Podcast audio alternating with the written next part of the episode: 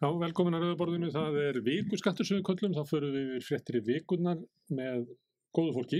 Hingað er komið Tryggvi Rúnar Brynjarsson. Þú ert sakfræðinemi Passar. og lítur út eins og Gísli Martin. Það komið ljós. Þegar ég er á hjólinu mínu, Já, þá, þá, hefur, þá hefur fólk sem að, sem að sér mig Já, sagt bara, wow, ég held að vera Gísli Marteinn í smá stund. mm. Helga. Þóri, Önnudóttir, Jónsdóttir. Þú ert menningafræðingur Mm. og ekkert lík Gísla Martinni. Nei, við erum vesturbæðingar samt. Það En eru ég, við erum bæði vesturbæðingar. En ég er ekki með þess að tinna áru, sko. Nei, herðu, svo er Þóra Kristín, Þórsdóttir. Þú ert aðfræðfræðingur. Já. Mm. Og ég ætla ekki að minnast meira á Gíslamartin. Og svo er Pall Ásker, Áskersson, leiðsugumæður, göngugarpur, rítundur, blaðamaður lengi. Jú, jú. Þetta er einn- einn afkastamesti blaðamaður sem ég hef unnið nálagt. Hann gætt skrifað á við svona, í allavega þrjá að Þetta brann ég út snemma. ótrúður afreiksmaður í, framleyslu í, blæðinu sko. Herðu, frétti vikunar eru svolítið litaðar af bara glæpum, ofbeldi, ópíufaraldri, dauða. Hvað segir það? Já, Það byrja á einum af svona næstu því þarna.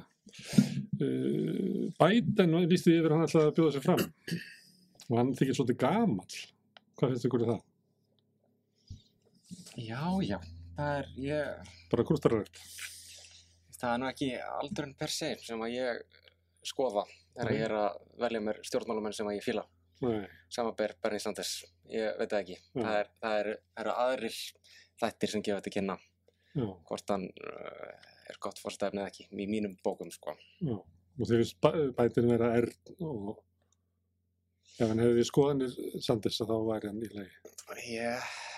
Já, en svo, þú veist, ég vil ekki vera að dreifa hérna árári republikana, en þú veist, stundum hefur maður séðan bara alveg út á þekju og það hef ég aldrei, þannig hef ég aldrei séð Bernie Sanders, sko, Nei, ekki ennþá. hvað segir þú? Okay. Sko, já, ég hérna, mér finnst bara, við verðum að gera svo mikið úr þessu og ég einhvern veginn fer beint í einhvern veginn að hugsa um hvernig bandarísk pólitík er og hérna, Þeir eru alltaf miklu eldri það sko, já en líka sko það er verið að tilkynna frambóð sem mér fannst vera pínu svona, já auðvitað var hann að fara að bjóða þessi fram Já, og hérna og það er að vera að tilkynna með eins og hálsás fyrirvara og svo eru þau einhvern veginn að fara inn í sín primaries og allt þetta sem er gert í bandaríkjunum og mm, mér finnst þetta svo treytandi og ég nenni ekki að tala pæla svona mikið Nei, bandarísku ekki, stjórnmálin ekki tvö árum fórstakostingar. Nei, og líka bara skárin Trump og þú veist, svo bara næsta Já, ok. Aldur? Sko, aldur per se, ég meina, ég tek undir að, að mann hefur virstan oft verið út á túnni. Ég hef ágjur á því að hann sé færi í þetta jobb, sko bara með hausin í lagi. En það er ekki mitt að, meta það svo sem og ég er ekki sérstakur sérfræðingur í bandarsku pólitík. En þetta náttúrulega skiptir varafórsetir ofubústlegu máli. Já. Hún ætlar líka að bjóða sér fram. Já, og veist, það er bara mjög mikilvægt þessi góð manneski brúnni þar, sko. En hún hefur ekki einhvern veginn, það er ekki, ég held að margir hafa haft meiri væntingar til hennar í upphafi. Hún hefur, ekki verið mjög áberandi, Nei. hún hefur ekki rísið upp sem stjálna eða hvað. kannski er hún að styggja engan Ha, kannski er hún svolítið að styggja engan á þessu kjörtumabili Já, kannski glansar hún á næsta. næsta. Já, það er það ég einhvern veginn hana svona hún er að, hann, hann er í sviðsljósinu og hún er tilbaka Já. Hmm. að það getur breyst tala nú ekki um ef hún vil fara svo fram á eftir honum Akkurat, hann ætla svolítið, já, já, Hún er pínuð óskrifa blað, hún er það pína. Já. hún er það. Mm. Eins og reyndar þeir varafórsetunir eru, þetta er náttúrulega ekki kannski jobb sem að, það er ekki margir sem að glansa sem. Nei, Ekki um aðalfórsetin degi. já, þá glansa Þá, það. verður það Johnson.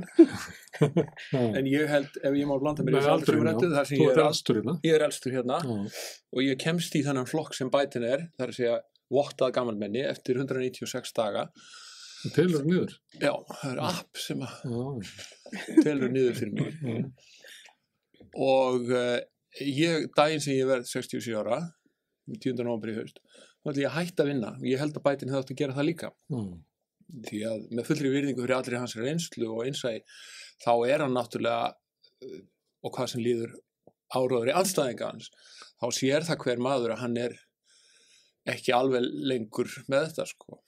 Og það er undarleg fórustu kreppa í, í þessu stóra landi að það skulle ekki vera hægt að finna eitthvað frambærilegri kandidat heldur en, Mhm. heldur en hálf rugglað gamalmenni. já. Hann var 67, ég held að það fættum 42, hann hefur verið 2009 sem hann hefði þetta hætta. Já. Þannig að hann er komin ansi langt. Það er komið langt fram með síðast söldag. En bandaríkjumenn eru hrifnari af eldri stjórnmálafólki. Það er bara skoðu þingið og ég held að þú nefndir Sanders og svo Pelosi og svo Trump, ég veit ekki guð, má við hvað hann er gammal. En við erum hérna elsti okkar á þingi er Tómas Á. Tómasson, Tommy í Tómabólunum. Síðasta kjörnumabili var Jón Gunnarsson elsti íslenski þingmaður. Ég held að hann geti verið sonur Bernie Sanders upp á aldur. Þannig að, Ég skil alveg ekki hvernig hann nennir þessu. Ég, bara, nei, hérna, hann- eh, já, ég myndi bara vilja vera, veist, hann geti alveg verið að starfa sem ráðgjafi, sko, eða eitthvað, en hérna, ég myndi bara vilja vera að, þú veist, vera með fjölskyldinni eða chilla eða, hann er bara búin að eiga mjög, hérna, effektífa starfsæfi og þetta hafi ekki verið draumurinn bara í marga ára tugi. Ég hugsa það. öruglega. Að vera hósti. Já. Mm. Svo er hann, kannski getur ekki alveg notið þess að því að hann er svo gammal. Já, það er kannski, þetta er kannski ákveðin tragedía sem að við erum að Mm. tala hér um. Herðu, en eins og ég gæti um upp þá er þetta verið svolítið svört vika. Ég er að fá okkur til að tala um óbjóðafaraldur. Nú, allt í nú komst hann í fréttir, Loksins. loksins. Já. Vitið þið akkur hann komst í fréttir? Það er Bubi Morten skrifaði status á Facebook. Það er búið að vera óbjóðafaraldur núna í átt árið eða svo. Mm. Fjöldi manna dáið. Mm En núna verður þetta tekið fyrir á ríkistundafundi og tilefnið er eh, status Bubba Mortis. Þetta er nú, þetta er glæsilegt að Bubba að, hafa þessa sterkur rödd Já. og nota hana svona. Það verður að, Bubbi vaktina. Og það sýnir líka hvað hann hefur í rauninni mikil völd. sko. já, Þetta er, þetta er dæm, skýrt dæmi svona áhrifavald. Skilur að hann, þa- þarna fer umræðan fram það er þetta sem að allir stjórnmálamenn hvað sem líður skoðanakonunum með eitthvað slíku Mhm. þeir eru allir með annað augað á samfélagsmiðlum og stökkva svo til þegar einhver sem að hefur nóg mikla vikt segir eitthvað Mm. það verður enginn kosið bubba nema við með fótónum og eyrunum erum alltaf að kjósa hann. Við Já, erum alltaf að kjósa hann. Já, og veskinu. en þetta er, Ég held að hann sé að setja eitthvað uh, Íslandsmynd í leikúsi núna. Já, Aldrei fleiri farið á síningu. Það er komnar Já, yfir já. hundra sýningar held ég. Miklu meira. Já. Og á að taka þetta aftur upp í höst.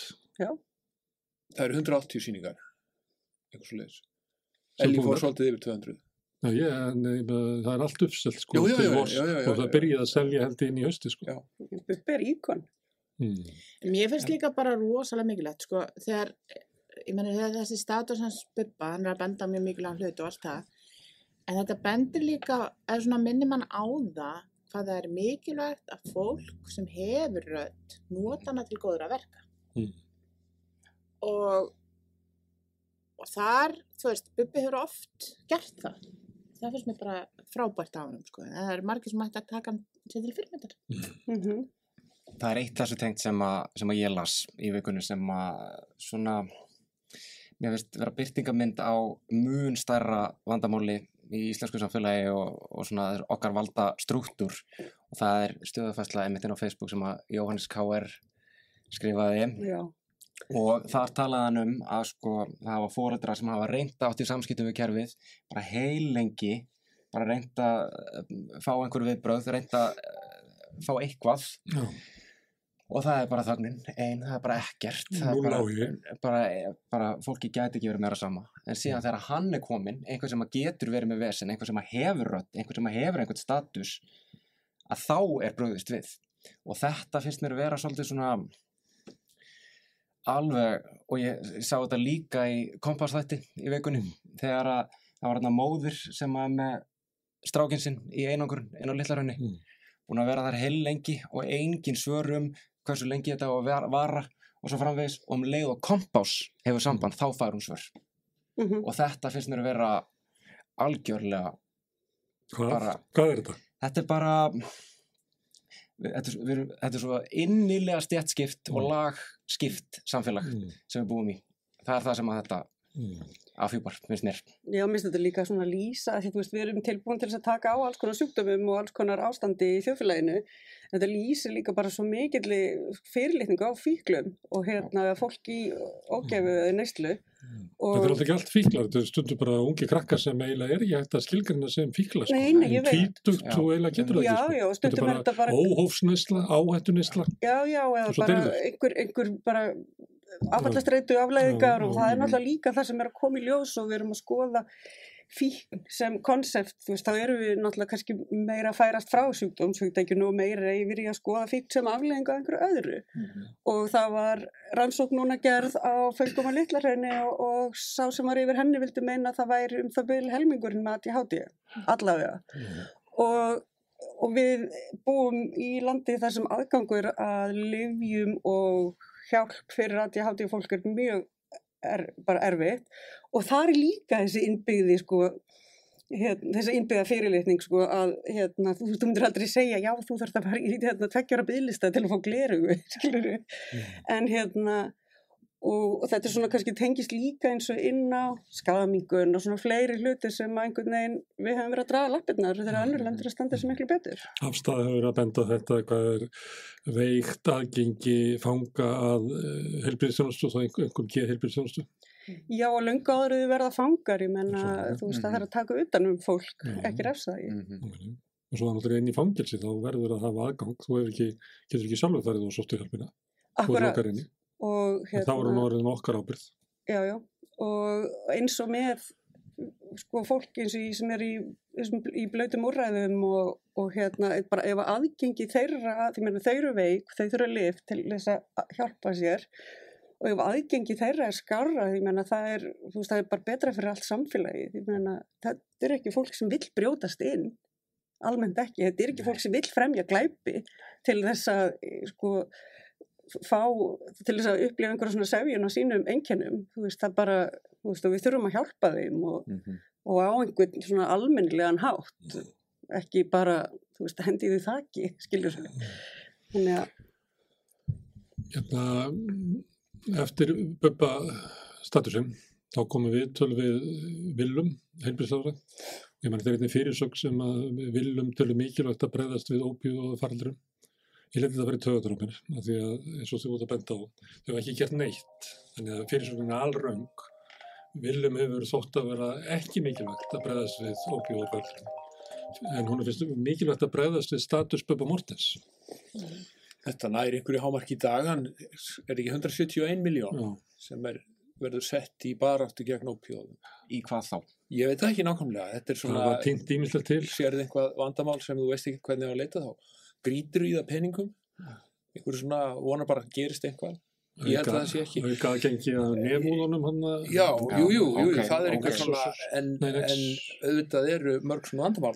Ég hlustaði á einhvern manni í, í einhverju, ég veit ekki hvað, hvað hann var eða hvað hann kom.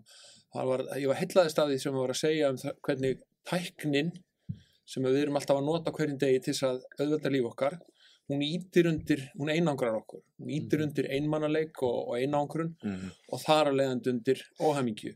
Þú getur orðið sko, hérna, þar, þú getur fengið allt sendt heim, þú getur verslað allt á netinu, þú talar eingöngu við fólki gegnum netið.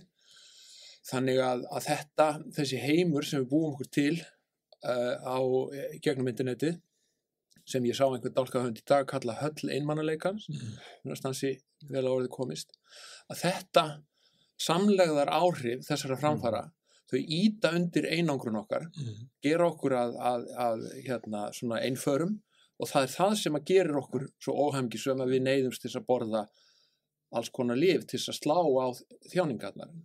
Þannig að þetta er, sennilega eru þessi punktar einhvern veginn tengdir þó við sjáum það ekki alveg skýrt.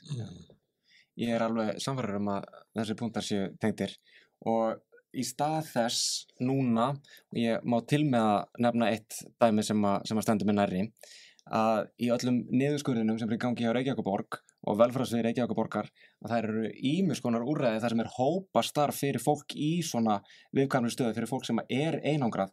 Og þetta er það, sko þetta var á undan söfnunum Mm. að vera skorið niður. Og það, þetta er bara hættu við vin, sögðu- þeir lókuðu hérna svona uh, eitthvað svona félagsheimilis uh, laust fyrir þá sem að, að fíla sér ekki inn í, í stærri hópum. einmitt, Man ekki hvað það er hétu.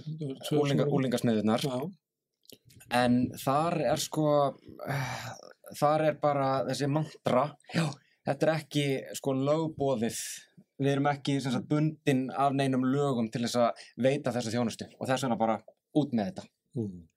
og án þess og þetta eru sömu vinnubröð og við sjáum í skjálasöfnunum líka án þess að ráðfara sig við einu sinni sko nokkurn einasta mann eða konu sem að starfar í þessum stofnunum án þess að spyrja hvað finnst þér um þetta það er bara þessi ákvörðin hún er bara sett inn í eitthvað pdf-skjál sem er sendt inn á vísi.is og þannig kemst fólkið að því að já ok, þá bara leggja niður þessa starfsemi sem ég er búin að leggja í til, tilfelli úlingasmiðana 25 ár Mhm. að vinna í Mm. og þetta er okkur bóðið upp á Reykjavík borg Mm. Tölum við fólk þaðan hérna við rauðaborðið í jólin og það var líka sparnari svo þetta er svo fáur krónur að maður er að botna ekki í þessari ákvörðun. þetta er svo, þetta er svo mikil skamsýni fyrir ekki að er alveg að klára út af því að við erum að eigða rosalega litlum pening í þetta núna en ég held að ef við gerum ekkert að þá verður kostnæðurinn svo miklu, miklu, Mhm. miklu meiri síðan mér, samanbæra allt þetta sem við erum að tala um Mhm. svo á, án þess að við tölum um líf og bara félagsdróska og fá að lifa í þessu lífi sem bara partur af einhverjum hóp og eiga, Mhm. eignast vini Mm. þannig að En varðandi ópjóða faraldurinn, þá er ég svolítið sko, það- sjálfur er alltaf svolítið óþægilegt að verður svona skynda ákvörðun um átak, ég er alltaf hættum að þessi ekki nóg vel hugsa og það liggja fyrir alls konar greiningar, þú veist, hvað þarf mörg pláss á vogi, hvað kostar að flytja þennan nefúða, blu blu blu, þið veitir, Mm. það, það er ekkert mál fyrir tvo þrjá aðlega að setja sniður og sko kostnaða með þetta, þetta er svo úrræði um, og ég er svolítið hrætt með að það verði eitthvað svona af því að þetta er svona hæp að það verði eitthvað skynda ákvörðum tekin það verði svolítið svona En sneak to be líklegast að doing verður gert svona pínlítið af því sem þessi hópur er að byggja um, pínlítið af því sem að þessi að verður svona PR, uh, PR maður sem ákvöður pakkar.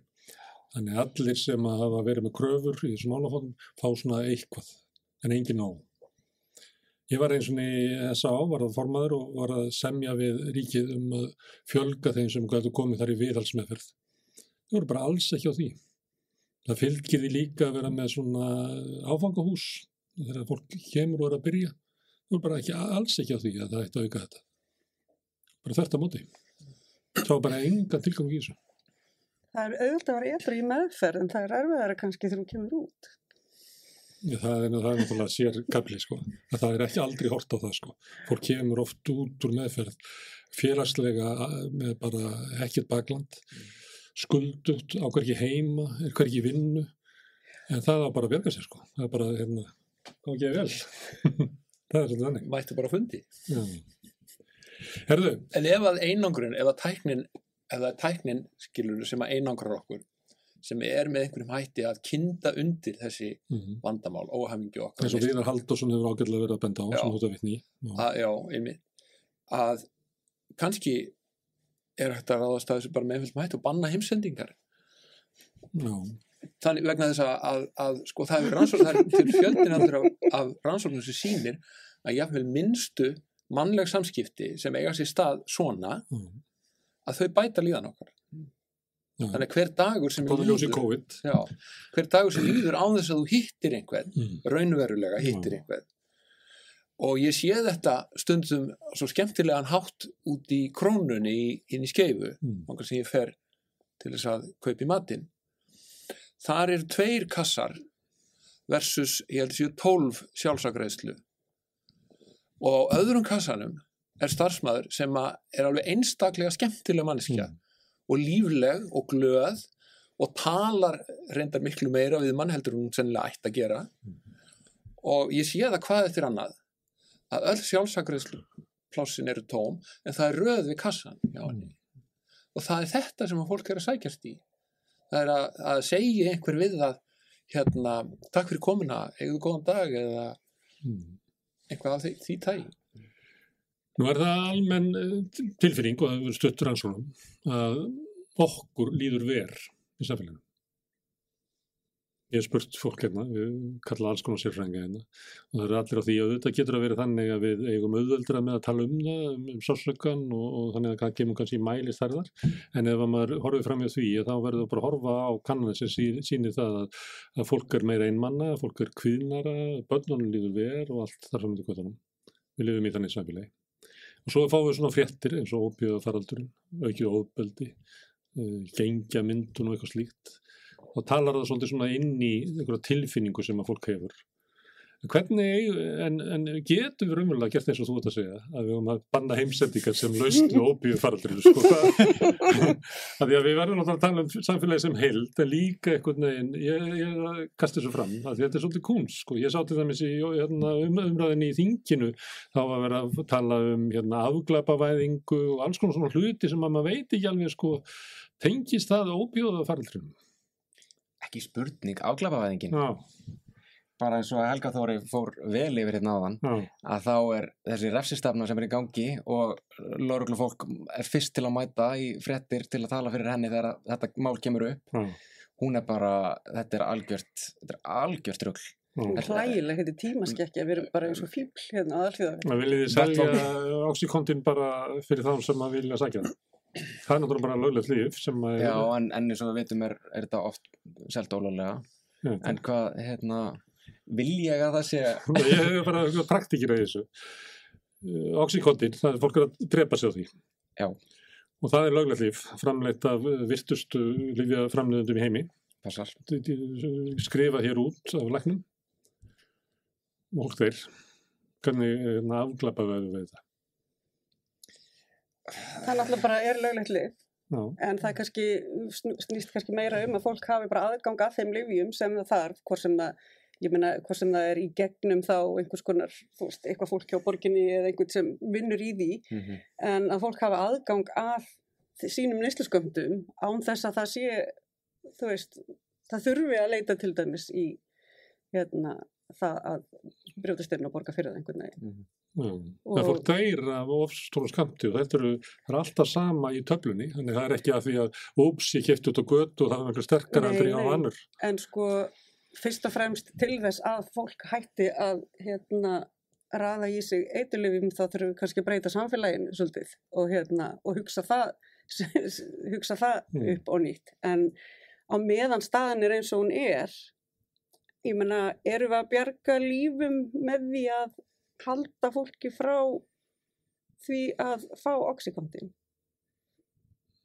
Það fólk færi oxykontin. Já, ég meina ef það fær hvort sem er oxykontin, er það ekki bara alveg eins gott að það hafi frjálsar aðgengi að því? Mm. eða að minnst okkar til tækla þetta sem helbriðis og félagslegt vandamál en ekki löggæslu og dómstóla vandamál. Akkurat, Uh, ég, þetta er heilbriðis. að, já, Uh, setja meiri peninga þeim megin uh, peninga eða bara, Viðfarsbreyting. já, ég held að þetta sé ekki, ég held að þetta sé ekki spurning um það. Tala við fólki í vorteiminni hjá borginni og heyra hvað þau segja til dæmis. Ég meina, þetta er veist, þau eru bara í aðhlýningu og þetta vekt fólk og þetta snýst ekki um bara hvort að, þú veist, þau þurfa ekki á því að halda að vera að díla við að vera að fremja glæpi.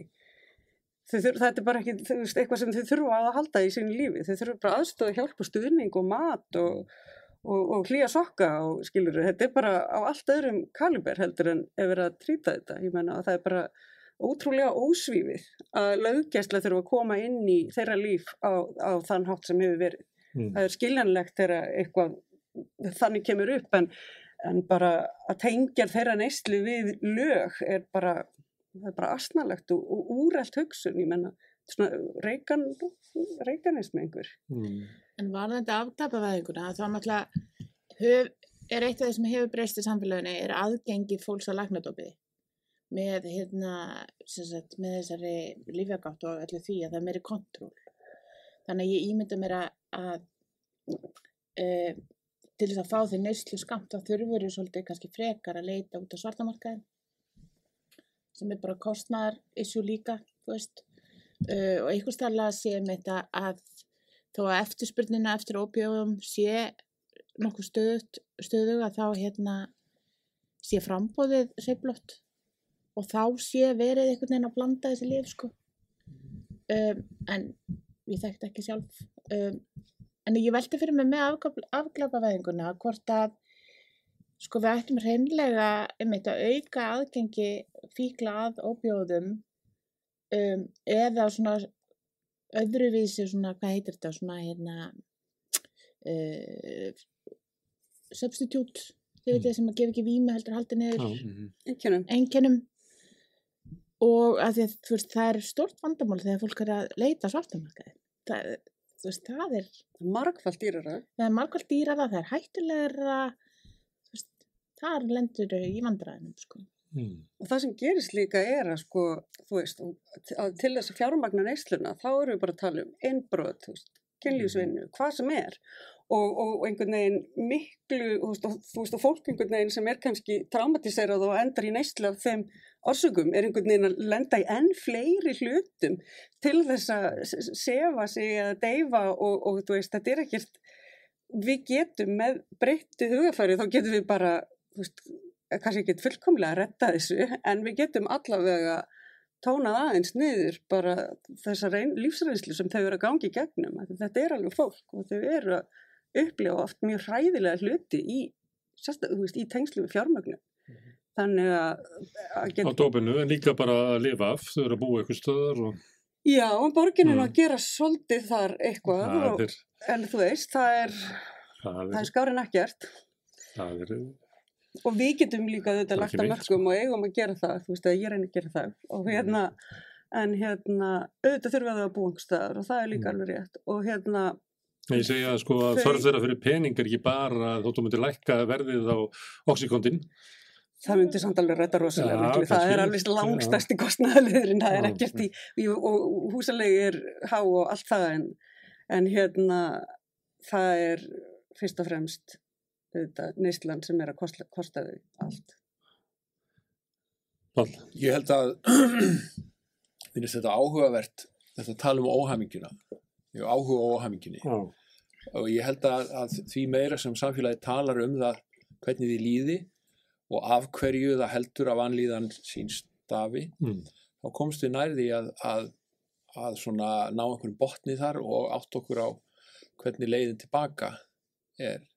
Ég held að, að leitin að betra lífi sem er, það er það sem við rekur okkur áfram allt, alltaf um, stærra hús, betri matur, meira dót og allt þetta að um leið og við áttum okkur á því hvað það er hérna svona tilgangslítið að eh, og veitur og færir það er ekki það sem að gera okkur hamkisum að eftir því sem að fleiri sjá hvað, hvað næstu samfélagið er einhvern veginn sko eitrað og svo bætum við ofan á þessu lagi að núna erum við að upp heila kynnslóðabönnum sem við erum alltaf að segja það með heimur sé að farast af því að jöklarnir bráðna og loftið mengast og það fara. sökva og allt þetta þannig að við erum að ala upp sko stórar kynnslóðir af börnum sem erum senda inn í lífið með sko lamandi ótta Uh, þeir sem að ólust upp í skugga kjarnorkógnarinnar á 7. og 8. áratökum þeir hafa stundum talað um það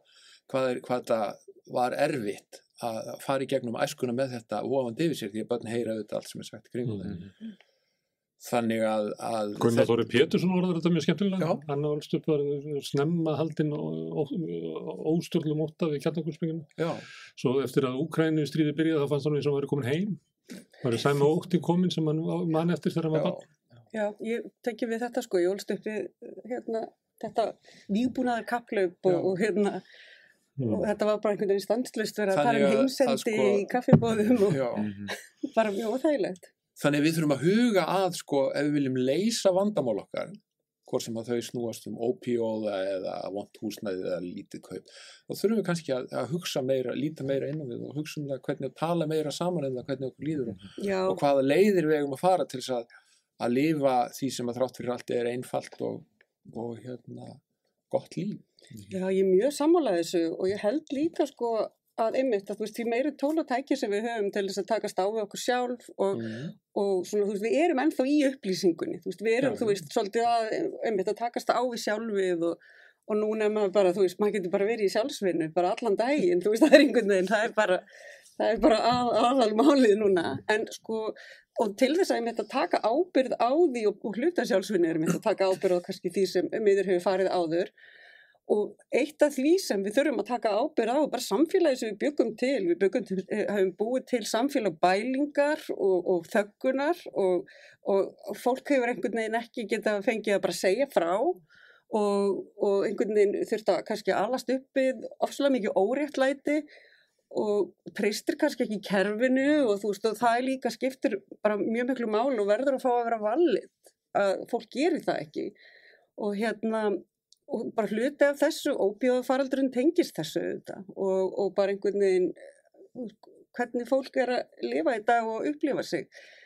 Þannig að sko ég svona persónlegur orðin áslega þreytt á því að umgákast fólk sem er einhvern veginn ennþá í sömu afneiturni og, og þótt ég sé þetta, þú veist, mér langar í flotta nægskó eða alla þessar hluti.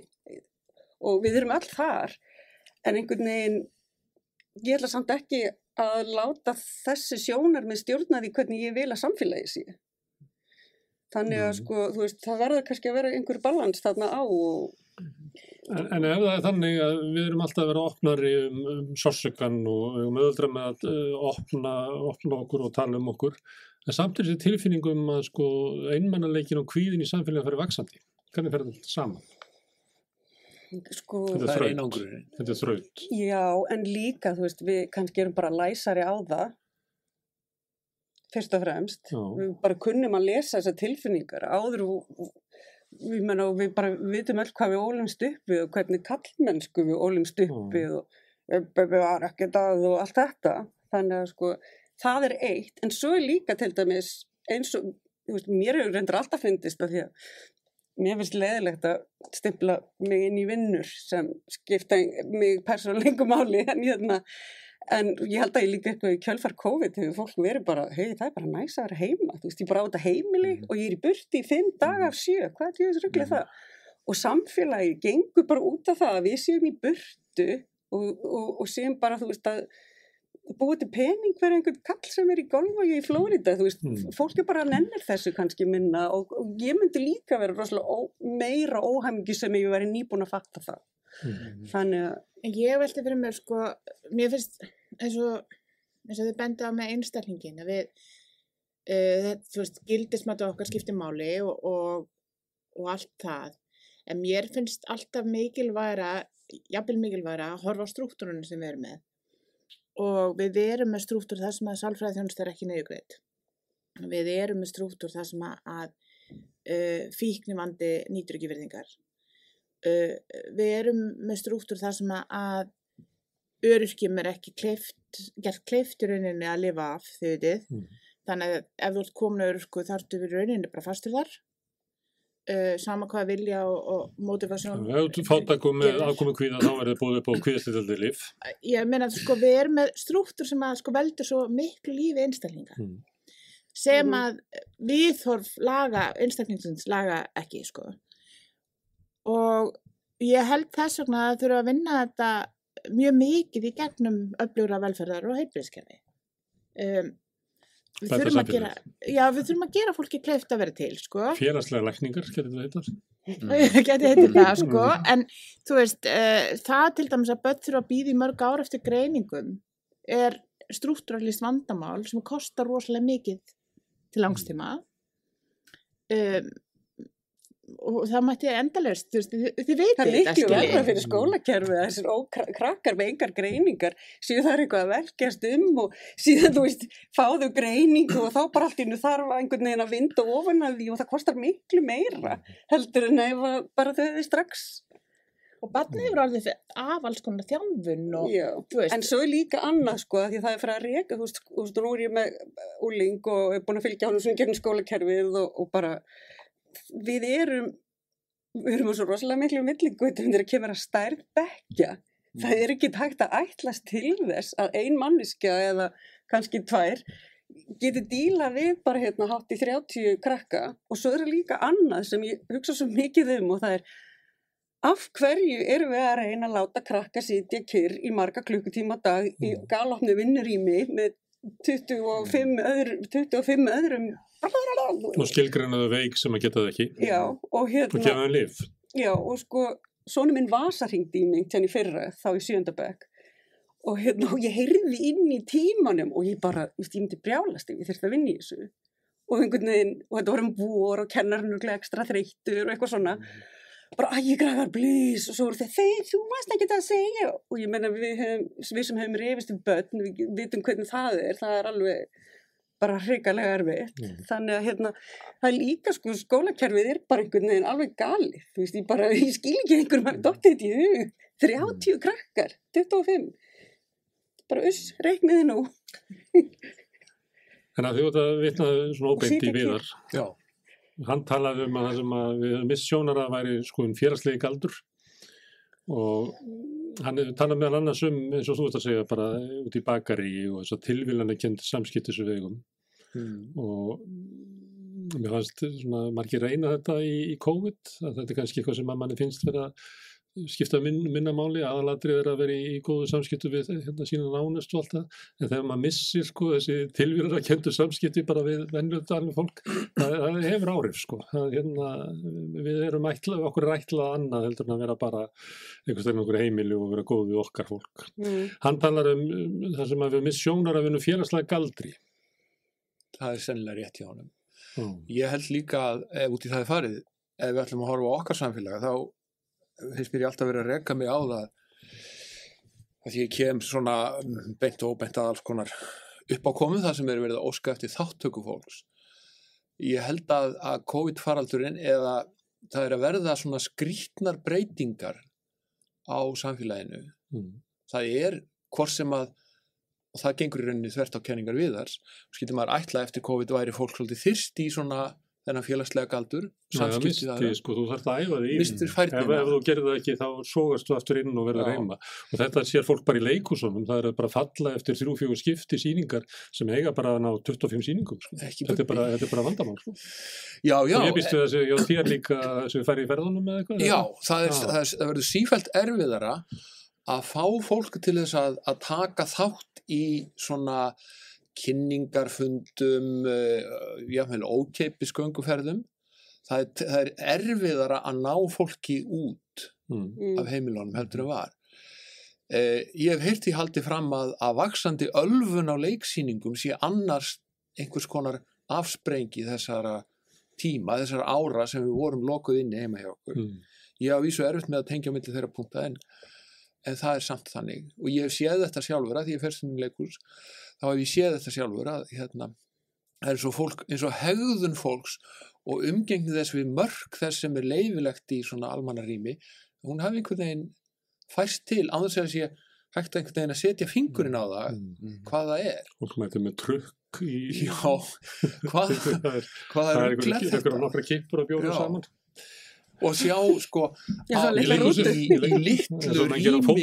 í, litlum sölum niður hjólkursi í kassanum sem ég held að taki ykkur 70-80 manns í sæti að sjá mikið drukkið fólk á fremstu bekkjum sem að stendur svo upp eh, eftir korter eftir að síningi byrjar og þarf að fara fram hann hvort til að fara á klóstið eða ná sér í meira. Mm. fyrir tíu árum, þú er ekki aldrei séð þetta. Nei. þetta er mjög undarlegt, að þurfa eru við með eitthvað svona tilfinningum að þetta sé að vestna hjá okkur ég veit það ekki þú ert yngstur er þetta að vestna hjá okkur Ég deili alveg þessari tilfinningu. Ég er nú komin á fjórða áratíðin. þetta er alveg, þetta er alveg, þetta er alveg orðin einhver Já, tími. þú átt gamla daga Já. Einmitt. En ég er svona, ég man, sem sagt, ég er svo kynslu það sem að einkennir hann er að ég man heiminn fyrir samfélagsmiðla og áður en að voru tölfur og allt þetta sem að Páll var að tala um hérna áðan, sko. Núna erum við með allt bara heimsend og við erum bara pöntum Dominos bara í appinu, bara beint. En ég, svona, ég hugsaði strax þegar þú talaðir um svona ótta kynnslóðina og þið voruð að tala um kjarnorku vanna og þetta um eitt sem að hefur verið núna sem að ég held að ákveðin öll séu að dæla út í fréttir til að vekja upp óta og það er þessir, þessir rúsnesku kapbátar sem ætla að klippa á hérna internet sambandið okkar á kaplan okkar og tengingun okkar. Sem væri gott miða við það sem Pátur að segja. Sem að, og, og þess vegna og þá hugsaði ég akkurat um þetta sem mögulega, sko kannski bara ef við myndum eh, neyðast til þess að gera eitthvað vera ekki á vefnum í fimm sólringa á meðan að ég veit ekki, bandarísku sérfræðingar eða norsku eða hvað er heitast, myndu koma og laga þetta Það væri áhugaverð tilraun. Og kannski, Já. já, af því að kannski er fólki, fulla fólki í leikursinu, kannski eru þau bara að stimma á áfengi, af því þau eru alltaf í símanum eða að horfa á eitthvað eða Já. gera eitthvað, svona og svo eru þau bara, oh my god, ég kjör bara glúk, þú veist. Mm. Og kannski er þetta félagslega kvíði, þú veist, hér er Ég mætti það. leikús Ég er og... bara, oh my god, það er svo mikið fólki í byggingi og bara, Já. Já. og það er alveg skrítið, ég man við þegar maður byrjaði svona að faðmast, þú veist, það var alveg pínu skrítið fyrst og hérna, Maður þurfti að að læra það sig aftur. með því að bara faðma meira Já, en sko, og líka bara, einmitt, einhver svona hæðun, ég var að, í kveimdafræðikursum í HÍ, alltaf neyri kjallara í, í, í salfjögur, rosa næs, svo einhvern tíðan fór ég þangað í bíó og barnasýningu með sinni mínum og mér fannst það bara gersamlega hræðilegt. Það var bara eitthvað fólk að það með eitthvað skrjáfandi nammi Mm. og svo kom hlje og þú veist, þannig að það er líka einhvern veginn, þú veist, bara stundum er þetta bara samhengið, maður er svo einhvern veginn og þú veist, og krakka fara ekki út að leika á sama, það tala, tölum svo mikið um þetta við sem eigum krakka, hvernig þau fara ekki út að leika á sama hátt og við, ger, við höfum ekkert annað að gera við, hérna, við Pátur svo gamlir nokkuð, við vorum bara reknir út líka. já, ég var ekki reikin út bara. Ég líka. Líka Já. ég var oft reikin út En, en Já, ég já. held samt að dýfsta þakklæti sem ég finn fyrir á þessum aldri er að hafa fengið tækifæri til þess að ala börnin mínu upp án þess án internets. Mm. Þegar ég horfi á þau síðan takast á við það verkefni að ala sín börnu upp Mhm. í þessu umhverju og samfélagsmiðlum og öllu því áreiti sem að fylgir og alls konar vandamál sem að ég hefði ekki treyst mér til að höndla þá verði ég mjög þakkláttur. Ég tók þátt í svona örlítilli svona tilraun fyrir rúmlega ári síðan. Sta- dvaldi í nokkra vikur á mjög afskektum stað á Grænlandi með hópi fólks og það er alls konar mótlæti sem maður þurfti að þóla þarna þegar var hávetur, sólinn hætti að koma upp og það er ekkert sem að fæst í búðinni og það er allt frosið og svo kostar það alveg, kaffibakkin kostaði 1800 krónur eða eitthvað Mm. Bara í Íslandi. Bárum. Það var reyndur að það var örlítið Já, dýrari ok. heldur en í Íslandi.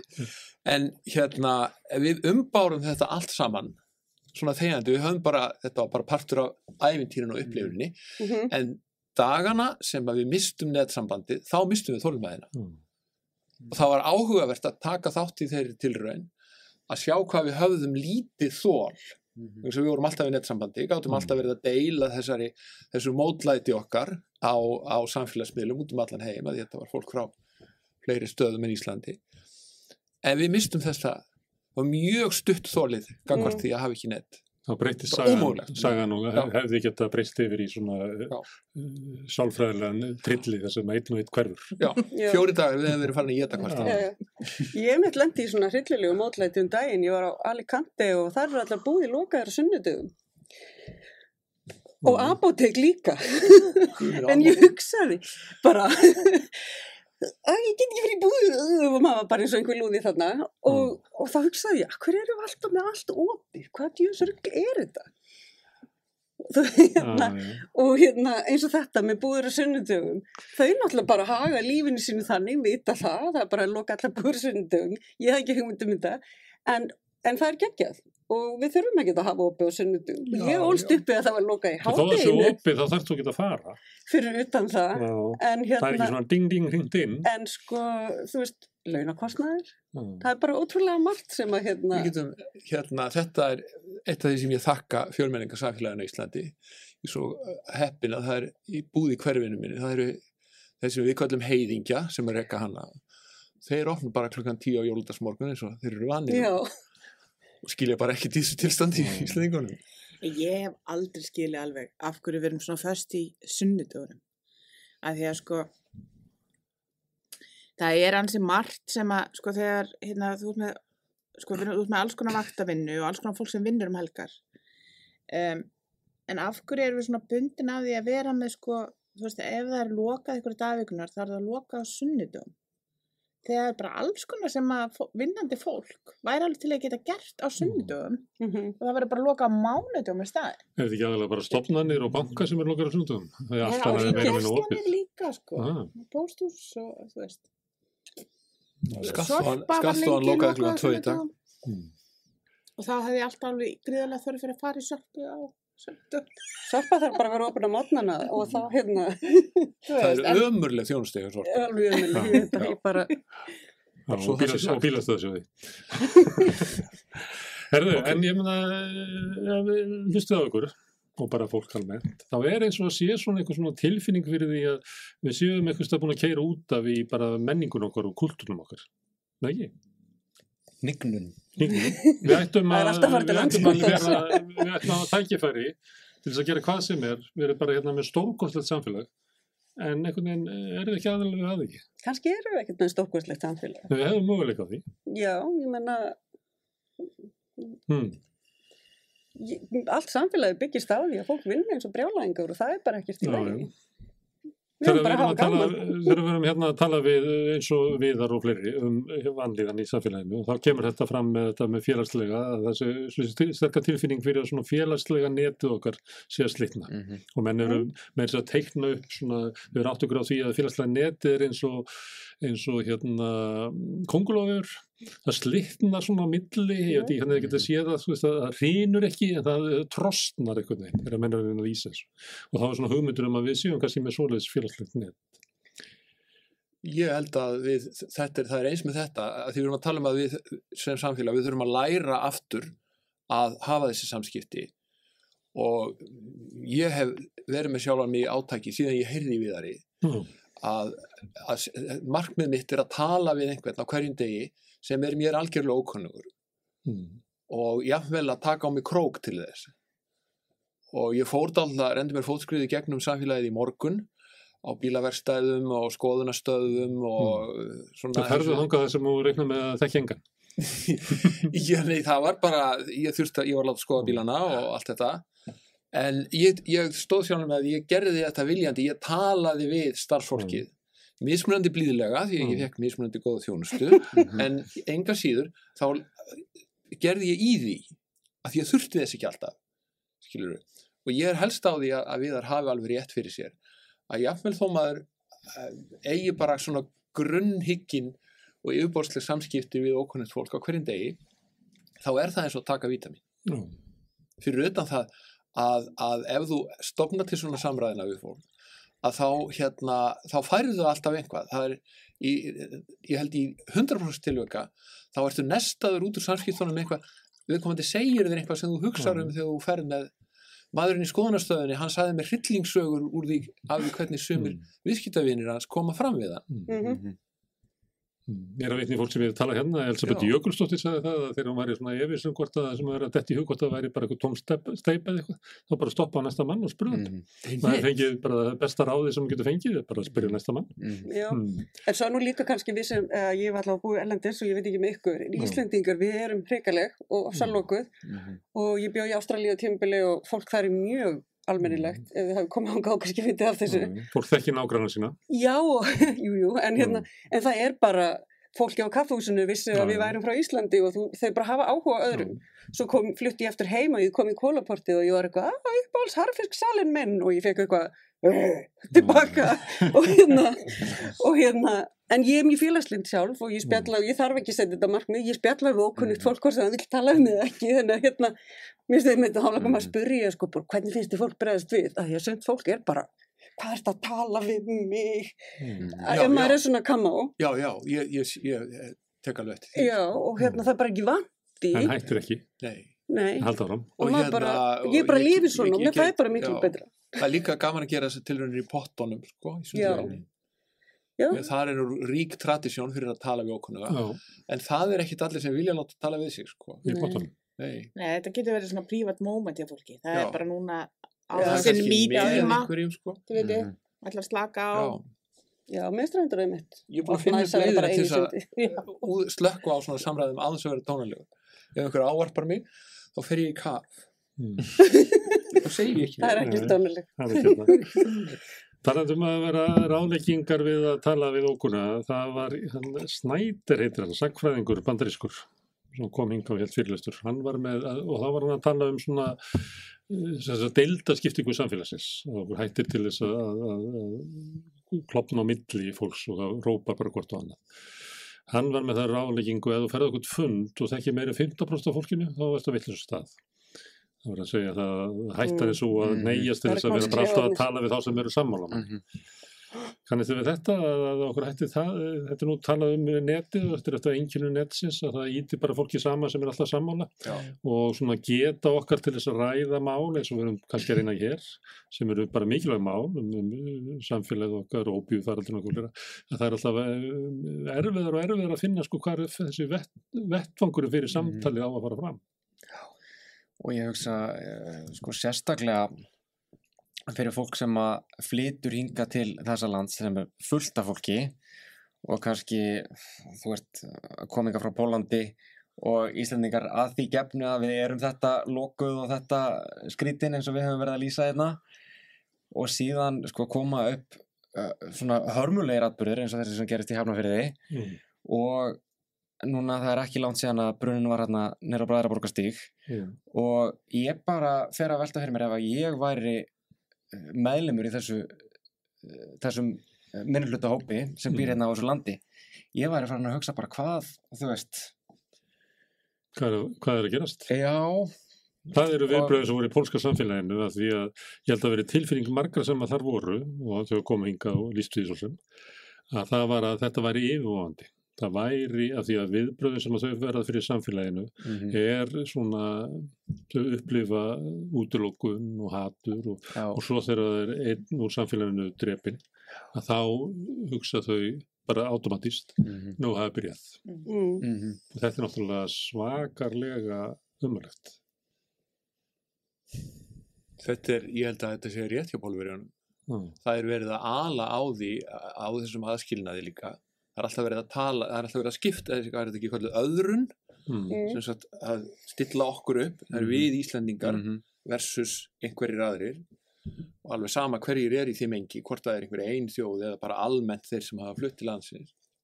Nú sér stöðut skýrari merkjum þetta í, í ofnbæri umræðu og það er verið að, að ala á þessu, þessum, hérna, þessari, ég held að öðrun sé rétt árið. Já. Það er öðrun og jöðrun. Já, En þetta er líka strúkturarist vandamál, sko.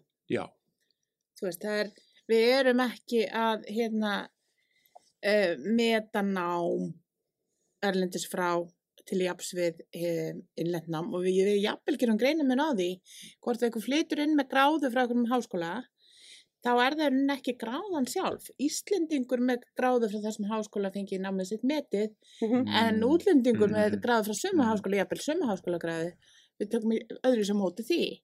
Og það er, sko, það er svo óbærslega mörg hérna, lög af alls konar Já. mismunun.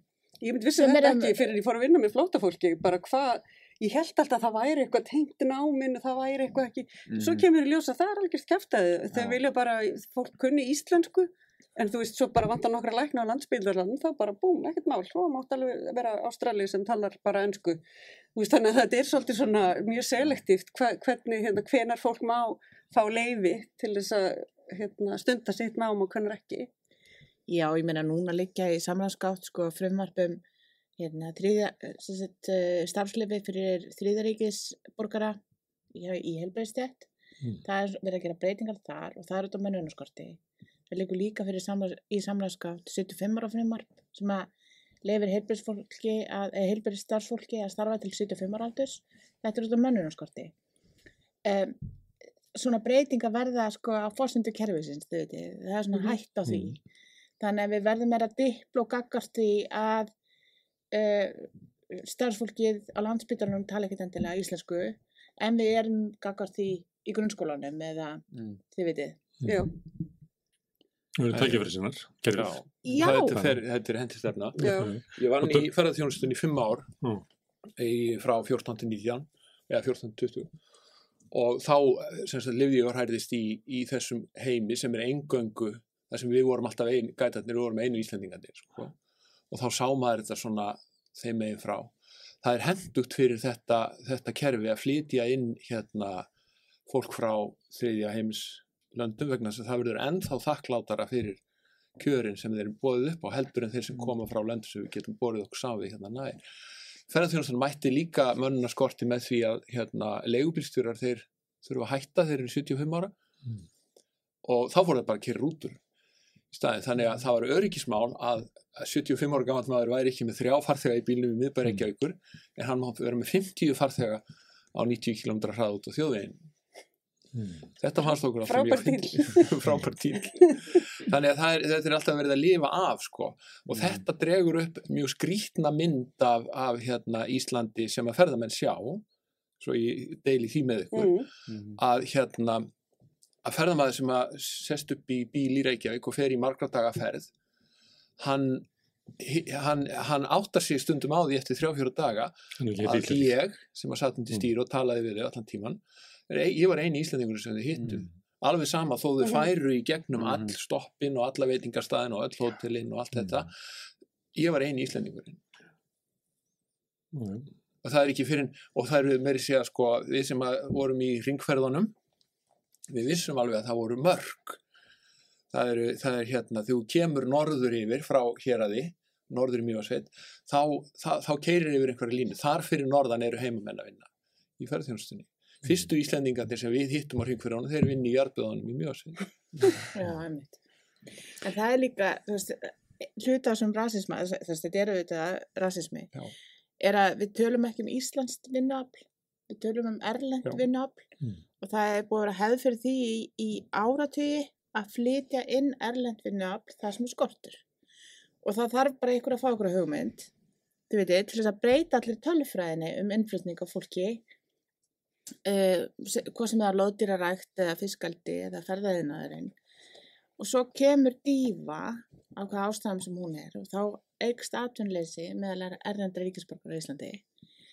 Um, en sko þi- þú veist, af því að hugsun er þessi við erum að flytja inn vinnuafl til þess að flytja inn fólk sem sagt, til þess að gera ákveðin hlut. Að það er, þetta er svona innrömmun hvar má fólk vera þið veitir, Mhm. Og, og hérna hún er bara frekar sterk held ég. Mhm.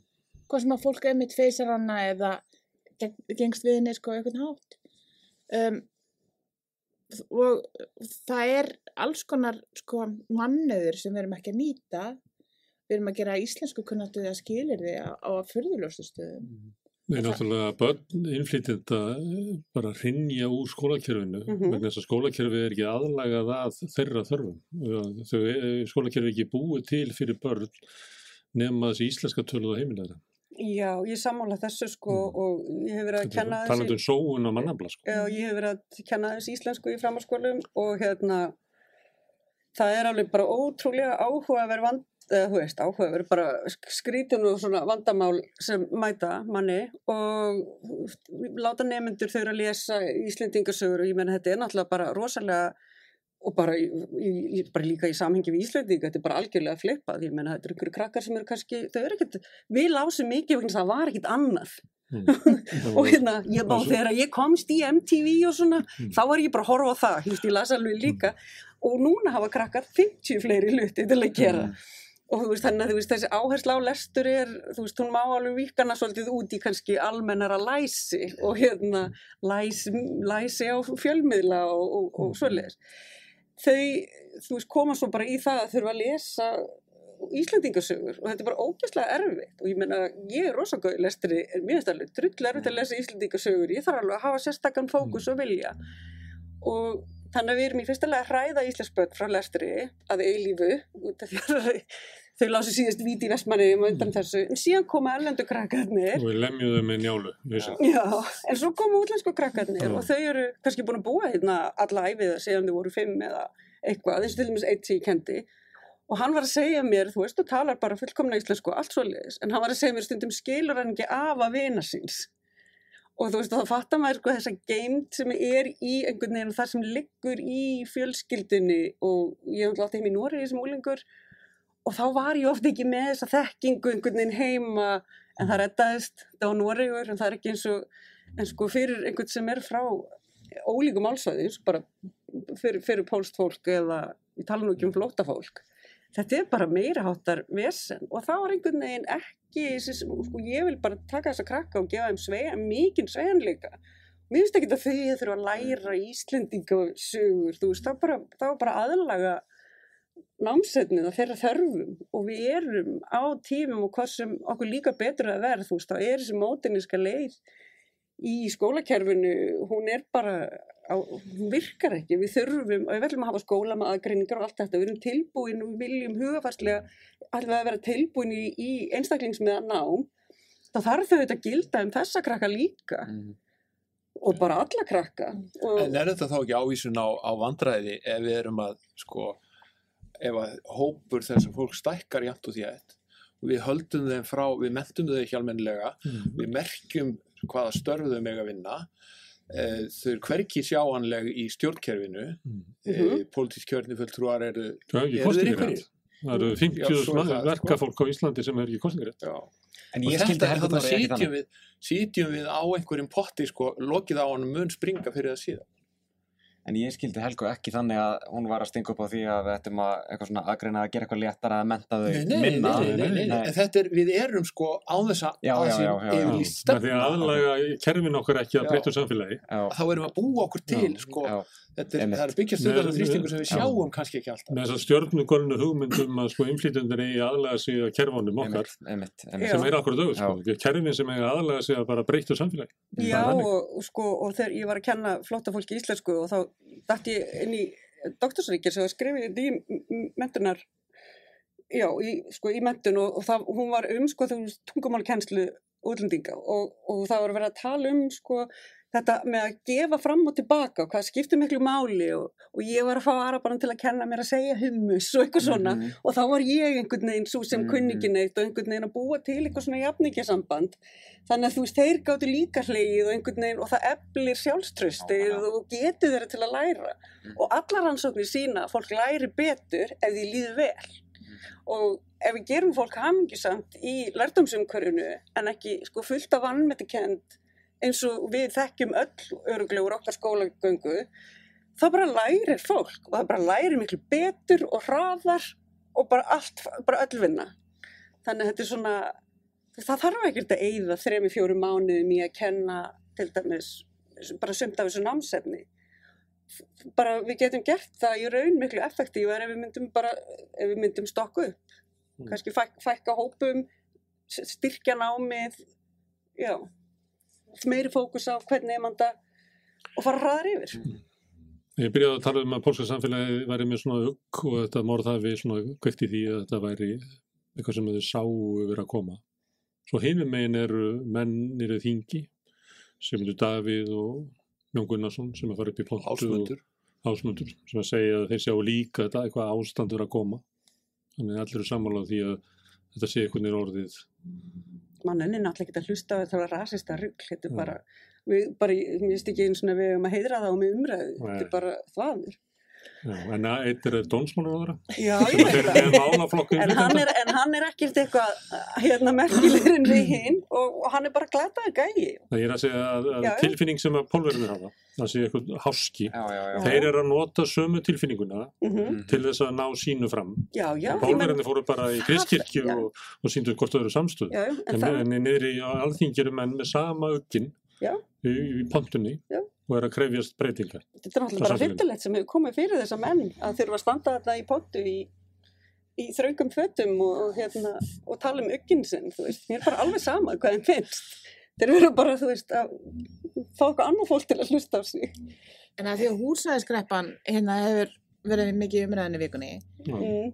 og það er eitt sem er sko, að því ég er eins- eins og þið heyrið bara mjög hrifin af struktúr sem skýringu á, hlutum.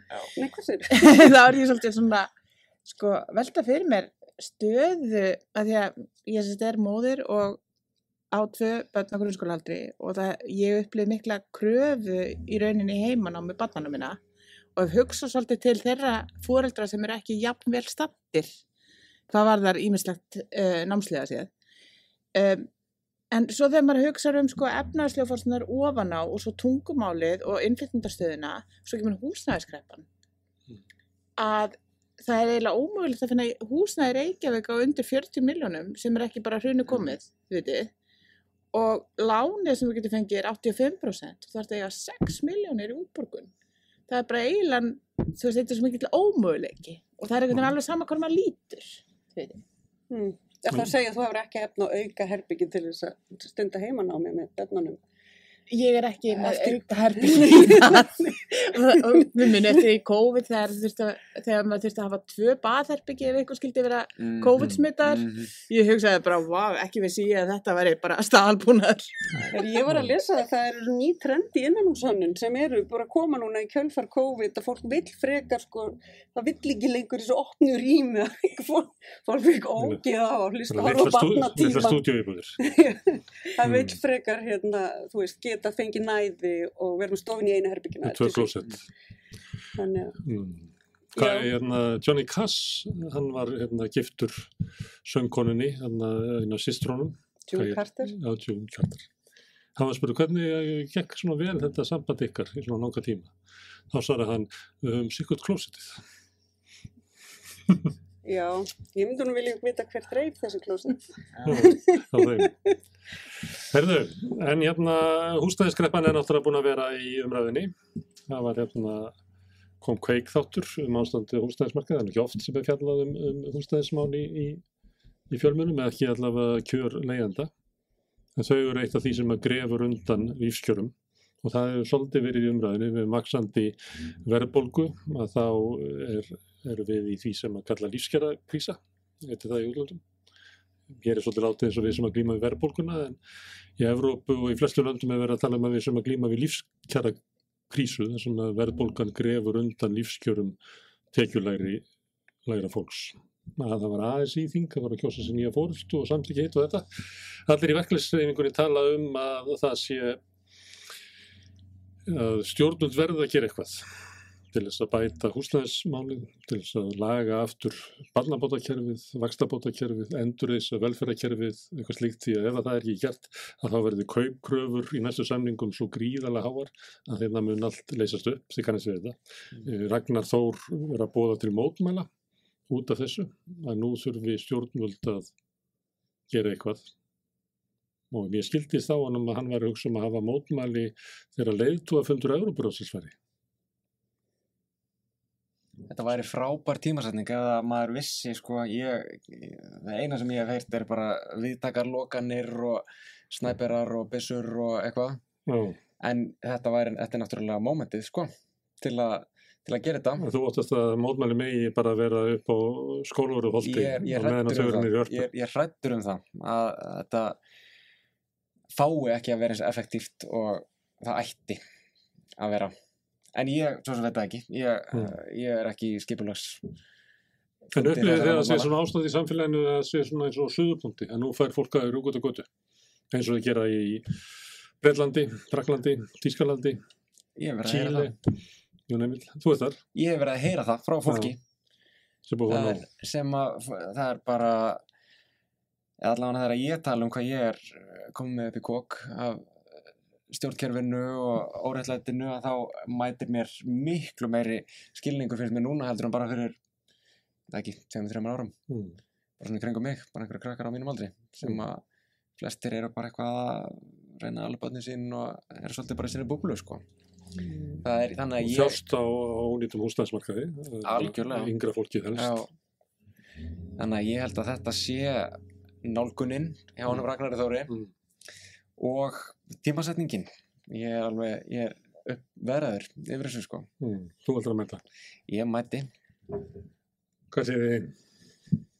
ég sé ekki alveg hvernig uh, ég átta mig ekki alveg á þessari tímasetningu með að mótmæla akkurat þegar þessi Európuráðs sirkus er í gangi hefur ekki, undanfærin ár hefur, ekki- hefur ekki verið effektífast að, að beina mótmælunum gera þau sínilega í miðborg Reykjavíkur uh, fyrir framan algjörskúsið Það er, einu- það er svona, það er vettvangur íslenskar það mótmála. er vettvangur íslenskar mótmæla Mm. Þó að sumstaðar ætti kannski að vera eða Mm, að gera hró- fjármála ráðið. að gera hrópað evróskum fyrirmönnum, eða fínimönnum eins og Jónas Kristjánsson Ritstjóri heitin Já. hefði kallað á ég sé ekki alveg ljósið í því en ég hef hins vegar ekki sett mér sérstaklega inn í þetta mér finnst það þægilegt að smætta sko stóra hluti niður í einhverja tölu eða og ég hef ekki losnað við töluna 240 í svört jakkafött úr höfðinu síðan ég heyrði hann í fréttum Já.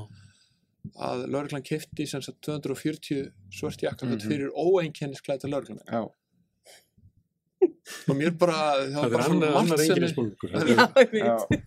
En hvað ætli þið sé En að að flytja inn marga bíla til dæmis? Við sáum Já. bara þegar að hann hérna, hvað heitir hann var að fara svona pens mætti hérna Já. frá keflaður mm Þetta er ekkert smá Nei. dæmi. Svakalega flotti bílar já, já. En þetta, en þetta er sem sagt ástæðan fyrir því að mér finnst þetta að vera til dæmis fínn tími. Þú vildur bara mótmála því að það sé verið að hafa hennar fund hér. Þetta er bara svona peningum að hafa þetta. Við getum bara hist á netinu. Sko, það er...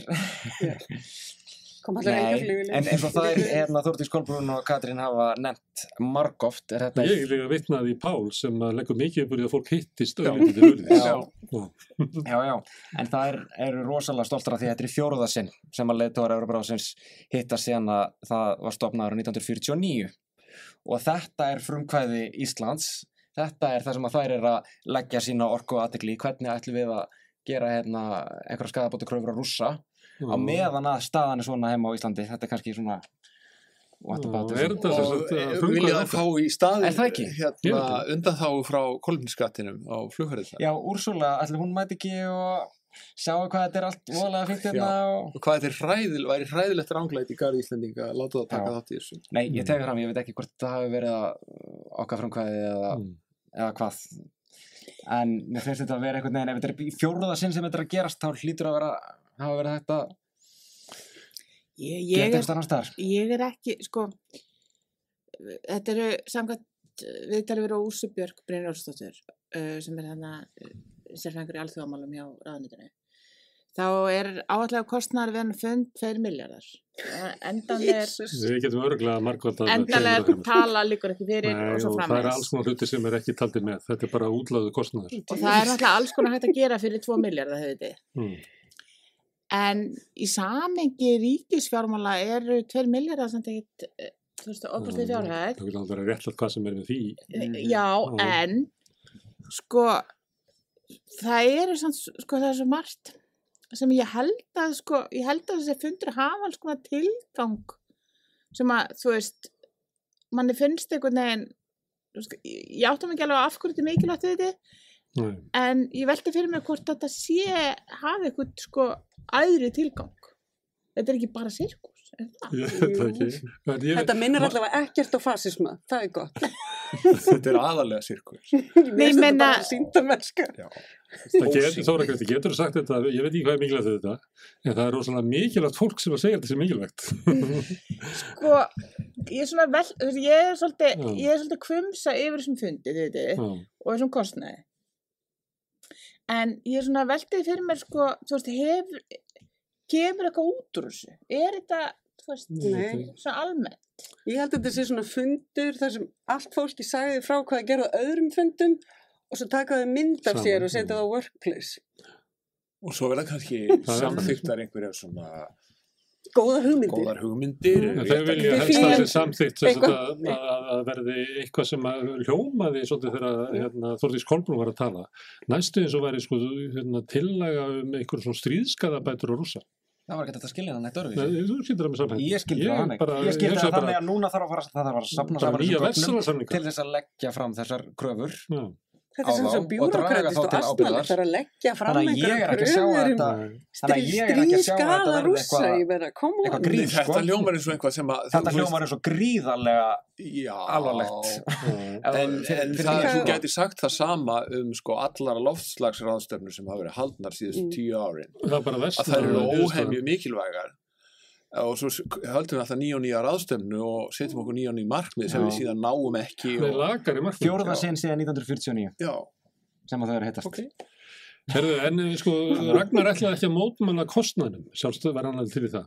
Ég held að hann hafi verið að hugsa um að vilja mótmæla þegar augu alheimsins eru á. ég held að sko. En hann er ekki að já. mótmæla ráðstöfninu svona í sjálfu sér. Sko. Eh, þá setur eftir spurningin, er ástandið í Íslandi þannig að fólk hafi það svo slæmt að hlaupa út á götu eða er traust almennings á stjórnvöldum svo veikt að hlaupa út á götu? Samtengt, þetta er, þetta, þetta, þetta er aftur, aftur, aftur tilbaka til það sem við töluðum um minna allra fyrst. Já. Bubbi Morten setur status um er gríðalegt félagslegt vandamál og síðan afhjúpar hann það þá, þá komum viðbröðin sko. Þannig að traustið til stjórnmáluna og stjórnvaldana og þetta glataða kerfi og fólk hefur það skýtt, þetta er á. Íslandi sam Já. ofið. En mér finnst líka sko eins og þessi spurning, svo við tölum um struktúralisman Mm. ennar Þóru, þú veist, hann er í, hún er svolítið í anda sko, hérna Sigmundur Davís og Jón Gunnarssonar, með fellur yfir fyrir þér, hérna, að hún, þú veist, það er þetta binary sko, þú veist, þessi tvíhyggja, þetta er ekki þetta annarkvort eðar, þetta er bara alls konar á litin og, og, og bara út um allt og, og þegar við hugsum alltaf hlutina í, þú veist, annarkvort eða, eða bara, þú veist, er þetta rasistar eða gott fólk, eða eru Mm. höfum við pólverja Mm. eða þú veist eða uh, við hefum áhyggjur þetta gegn eða Ræðum við þetta fólk eða ekki, eins og þú gerðir? ha, hvað sér við? Ræðum við þetta fólk eða ekki? Já, þú vilt ekki ræða Jón og eitthvað? Já, ég bara, þú aðra? já, já, en ég, þetta er bara rosalega gott dæmi um hvernig, þú veist, við erum alltaf að hoppa inn í þessa tvíhyggju og hérna, og svo bara, það, já, svo er, þú veist, en það, bara tvíhyggja er ekki raunveruleg, hún er struktúralísk, eh, hún er hugmyndafræðileg og hérna, og hún er ekki, þú veist, hún er ekki einu sinni sko, sem svart og hvít, þetta bara virkar ekki og getum ekki verið að hugsa alltaf í, þú veist, og þetta er það sem færir okkur í átt að einhver svona skotgrafa hérna, Það er svo rifrindum. Mótmælinn. Nei, en sko, með mótmælin, það er annað, já, við höfum það alveg svolítið skýtt á Íslandi, en ég held að við, ég hafa, ég finnst bara, allt hafa verið skýtt bara síðan ég komst á fullarinsár, það hefur alltaf verið, þú veist, fólk var bara, góð, góðæri, þú veist, ég var bara skýtlengi í þessu góðæri og bara eitthvað borgandi leigu og miðvitrátt og, þú veist, það var bara, ég tók ekkert eftir neinu góðæri og fattaði ekkert, en hérna, að mótmæla svo að augu heimsinn sjá okkur, þú veist, það er bara vandræðilegt. Ég meina, það er bara brúnt fólk í öðrum löndum sem hefur á þúsundsunum verið skýtt heldur en við og mér finnst það að vera pín tóndef að alla bara eitthvað, sjáu hvað við höfum að ömulegt hérna á Íslandi. Það er bara ekki, það er bara, er ekki, hérna, það er ekki, hérna, hvað sem maður, svona good optics. Nei, það verður líka, líka sérstaklega vandræðilegt þegar um að ræða 50 manna mótmæli einhvers það sko frá fundinum út af gödulókunum. Já, bara með Hallgrímskirkju og túristana og þetta bara, nei. E, þú veist, gefið þetta sé eins og þeirra lýsa. Mm. og þetta sé ástæðunar en ég held að Það það er líka menn- kannski whataboutism Mm, en, Það eru menn með sko kamerur sem koma enga frá einhverjum fréttastofum hér og þar Já, það, og þeir eru, þær eru handheldar sko, það er að taka myndin eða hvað sem er. þetta er samt alveg bara, við erum með mótmæli og þau eru hérna í beitni útsendingu með þessum dýru græjum og hérna, við, höfum- við hefum tengsl til þess að pjera þessum mótmæli rosalega vel, þetta er bara það er ekki alvöru, alvöru er eins og þegar fólk bara brjálast Þeir ekki, þú veit ekki að fá þær með þér á mótmælið. Nei, greinlega ekki. En það kannski það er að drefa þetta. Kannski gerist eitthvað í millitíðinni sem, sem að sannfæra ykkur um að þetta verði meira heldur en þetta og að tilefni sé, Já, sé ég til að, ég að hafa rámt fyrir mér, alltaf. Já, Mm. En með suðupunktin, hvað, ég hef svolítið að tilfinningunni að það gæti, sko, að mjög margir séu reyðir og það þurfi ekki trúa svo mikið til. mhm. En ég velti fyrir mér, sko, hvað það geti verið, af því að það er, sko, við erum búin að vera í verðbólgu mjög lengi og, og hérna, jú, jú, það hafa verið, sko, Og tvö hálft ár. Tölverið harka í kjarabartunni og, og allt það en mér finnst ekki neitt ofsalega harka í öðrum kröfum Hvernig gröðum? þú veist, bara eins og kröfur á bætt barnabótakerfi eða eða í rauninni sko einhver ákveðna lustir vandi húsnæðismarkaðin Það er náttúrulega klikkuðu síðustu kjærasamningar af því að það var sami til skams tíma og þar að leiðandi var ekki tilefni til þess að gera sko stórar kröfur á hendur ríkisvaldinu þar sem að þetta, þetta er alltaf í pakkanum. Þannig að eiginlega voru bara hálfið samningar síðast og þennan hluta vandaði. Þess vegna er líka fólk að tala í Mm. verkefsefingunni Mm. að næsta haust hlýtur að koma eitthvað bara, það verður að gerast eitthvað sko, því að þetta hlæðist upp þörfin hústæðsmarkaður í vestna bara óréttlætið sem að niðurbrót velfærakerfisins, minkandi vakstabætur, minkandi barnabætur, vesna bara. Ákveð á tímum þess að fólk þarf mest á þeim halda vegna þess að kaupmáttur er ríðar. og líka barnabæti lækka þegar börn eru að sjö ára sem er ótrúlega skrítið af því að þau verða bara dýrari og dýrari þessi bætt. Mm. en hérna, já, Mm. Þannig að þér finnst að kröfunar mættu vera róttakari.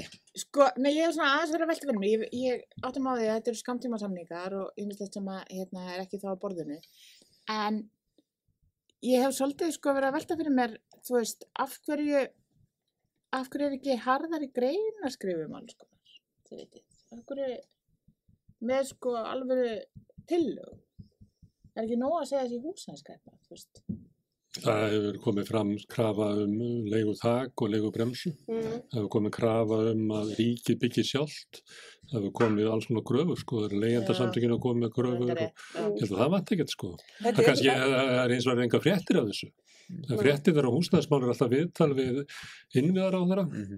og Dagby Eggesson sem eru með eitthvað svona ráða, einhverja glærur um hvað er alltaf að gera einhvers staðar langt inn í framtíðinni þó svo allar plön þeirra hinga til hafi fallið sko, já, já.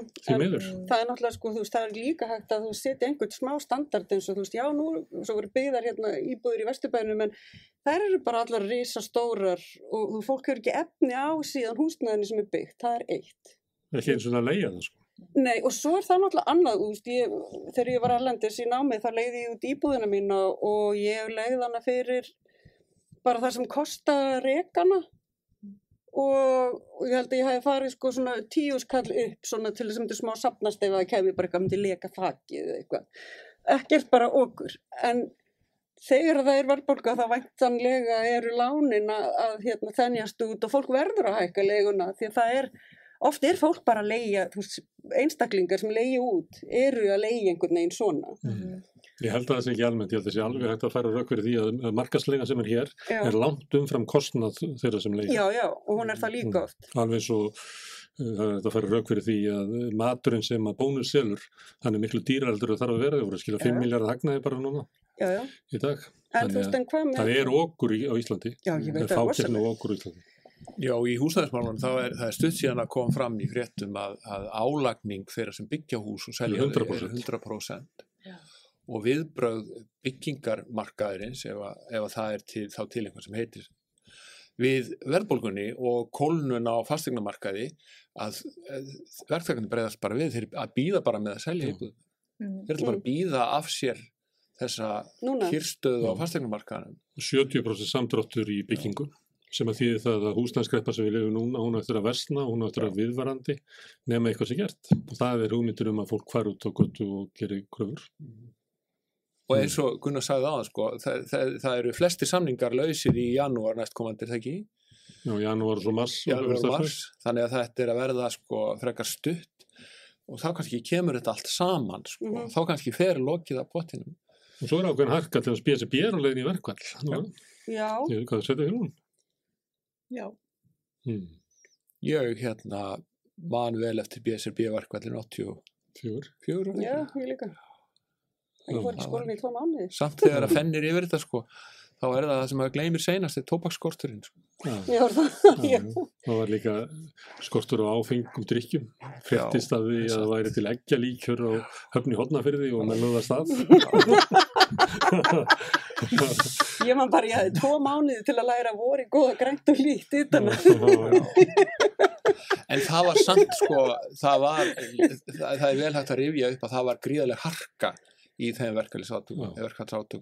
Já, menn flugst á sko já, já. og það, var, það voru sumir hópar sem síndu ótrúlegan aktívisma í framkvæmt Já. skiluru, það eru ég vann á flugvelli út á landi þegar þetta gerðist og, og hérna, það komu actually, sko, kennarahópar held ég að það verið út að, gerður út af verkinu frá Reykjavík, að því að við vorum á undan þáu þó að flugmálastjórnar starfsmenn ætti að vera í verkvalli og þeir voru að blanda sér í raðinar á flugvellinu og þvælast fyrir okkur og gangi kringum flugvélarnar og ég var ok. mjög hrifin að þessu ég, er alltaf langað til þess að ég verið eh, 67 ára gammal eftir 196 dag, ég hef ekki ennþá hlekkjað mig við vinnuvél eða Mm. grindverk eða Nei. Það er alvöru. ég verða að ná þessu Gæti náði núna í mótmjölanum. Já. En svo fór ég að hugsa líka, sko, kannski eins og við erum náttúrulega með þessa sögu, bara búsahaldabildinguna og allt það sem Já. var og þú veist, þannig í kjölfæri, kannski verða næstu, þú veist, ef við förum í einhverja svona bildingu, hvað þá hvað aftur, kannski verður hún einmitt einhvern veginn svona. Eða að fólk bara hætta að borga eitthvað. Eða, og þú veist, að því að við þurfum aðrar aðgerðir svona sko ég er ekki viss um að mótmæli geti knúið fram sömu breytingar allavega ekki svona lokali Það er núna rúmlega tíu ár frá búsáldabildingunni. Ég Er, er um þínum þeir, þeir sem að, sko, Það eru bara á 15. já, eða 15, Já. er ekki, hérna, 2009. er ekki skilabóðin frá henni þau að það er hægt að ná árangri. Jú, það Er er ekki- íslenskir eh, almenningur hefur felt þrjá ríkistjónir frá raunni og rekið, ég man ekki svo hvað margra áður, þessi fimm sko. Já, Þannig að þetta tala um að Íslendinga gera aldrei neitt og Það er ekki alveg rétt. sko. Það er ekki alveg rétt. En það er, það er eitt sem að Ragnar bendi á að sagði að kröfunar í búsaldabildingun hefur kannski verið rángar. Að það var ekki nóga skiptur stjórnvöld, það breytist ekki til það. Það þurfa að vera djúbstæðri breyting í samfélaginu. þú veist manns, sko, við erum búin að gleyma því pínu núna, en það var svo rosalega mikil áhersla á að koma Davíð Oddssoni frá. Og hann var náttúrulega bara búin að vera hérna, veist, ég bara man ekki eftir mér á þess að hann hefði verið til. Og hann bara refi hérna öllu og því muni hvað hann var. Og bara rosalegt búli og ótrúlega fyrirfæra mikill maður. Svona og bara og í samfélaginu. Og það einhvern veginn þegar að hann fer ég held að það hefði bara verið svo stórt fá þótt að Það við var upplifum það ekki eins núna Já.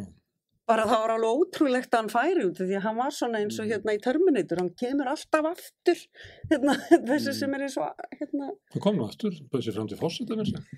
já 13%. en hann, hann var ekki comeback Nei. Og 13% comeback. hann var ekki Það comeback En ég er svolítið, þetta sem hún segir, að hann segir, sko, hann Ragnar Þór, það skiptir engum máli ef við skiptum um ríkistjórn og það er einhverjir aðrir flokkar hérna inni, það þarf eitthvað djúbstæðara. Og þá hugsaði ég þetta sem þú segir, að þetta væri kannski ekki alveg, það er ekki alveg nógu rótægt, fólk er að spurja um eitthvað svona, svona smáar, uh, smáar hluti og ég er svona að horfi á nú, núverandi velgengni samfélkingarinnar í skoðanakönnunum í þessu samengi, hún er ekkert, sko, sumar, sumt af því sem þeir eru að segja, held ég að segja augljóslega, hitt í mark. En það er einmitt, það er kannski ekki eitthvað svona, það, þeir eru ekki að segja skiptum um stjórnvöld. Ekki skiptum kerfi heldur. Nei, Hvaða merkingu hefur það einmitt? Hvað? Hérna, hvaða samfélkingur er gengur vel? já, Ræðum já, það. Þetta er bara áhugavert koncept, sko. Var samfélkingin ekki í ríkistjórninu sem að búsáldabildingun Jú, var hreinstu- Jú, það var þegar við vorum að leiðin í Með örgisráði ekki bara munna Og það. nú erum við að fá uh, leiðtofund. Já. Við erum meira að koma saman stað. Já, ég veit það var það sem ég hugsaði, Já. þú veist, áðan, vá, fyrir ég svo, "Á, þetta er svo Ingeborg Sólrán og örgisráð. Það er svona, það er svona prí... Tóra Kristín, hvað er með okkur að hækka fylgi í samfélkingarnar? Er þetta bara flökku fylgi sem einhvern tímann uh, lagði upp að bryggja pírata og yfir á framsókn og er núna komið þanga? Alltaf Vafki er búin að vera lengi í ríkistjórn. Uh, ég, sko, það er alveg ljósta að samfélkingin er að sækja til hans í margra flokka. Og, og það finnst mér líka svo áhugavert, mér finnst alltaf áhugavert þegar eitt flokkur tekur alls konar fólk, Mm. þú veitir. Uh, þetta er ekki, já, ég er nefnilega, ég átta mikið á því hvað það þýðir, en þú veist, endilega, ein af, eitt af því sem það þýðir er að Kristjónu gengur vel. Mhm. Hún er að höfða til fólks. Mm. uh, en, en einmitt, þú veist, að því að samfélkingin hún var fyrir ekki ekki löngu síðan, þú veist, bara pínu lítil flokkur Þetta, þetta er rosalega rótæk breyting Mhm. Í konunum. í konunum vissulega og það er langt í Píratnir fóru upp í kosningar. 36 þarna á uh, árinu sem að þeir meldust stærri en sjálfstæðarflokkurinn. Það var alveg frá 2015 til 2016. Já, Það hætti þegar Panamaskjölinn komu fram sem er eitt af þrautum íslenskra stjórnmálasögu að geta útskýrt það. Þegar Panamaskjölinn opnust og fellur fylgi pírata. Hvernig er það að skýra það? Nei. Þurfi ekki pírata lengur. já. En þetta getur líka verið sko samfélkingin að toppa og snemma því að við erum á þrátt fyrir alltaf á miður kjörtímabili en þá. Já, Já, já. haldið er ekki stóðin hangi út kjörtímabilið. Hún mun gera það. Það er stemningslösi Já, ríkistóð. hún er algjörlega Það er stemningslaus. engi sem býst við einhverju lausnum frá Nei, þessar ríkistóð. en Ég það held að það sé tryggsið, sko. Að- Samstaðan er það sem allir vita ok, ég þóli reyndar aldrei fólk sem segir svona það sem allir vita. Þá fer segir það alltaf einhverju vilsu ja, skiptir ekki máli. Ég held að, að það hérna um, tími vinstri græna er liðin eh, þeir hafa eitt öllu sínu, allir sínu pólitísku innlegn í þessu ríkistjórn samstarfi, bæða fyrir að kjörtjumbili og þessu sem að nú aðrir. Mm. og þetta held ég að fórsta flokksins viti og gerir sér ljóst að það er mjög líkt að það verði endi sko utan þings í næstu kostningum. Í staðinn þá ætla þeir ekki að hætta fyrir þeir þurfa að hætta.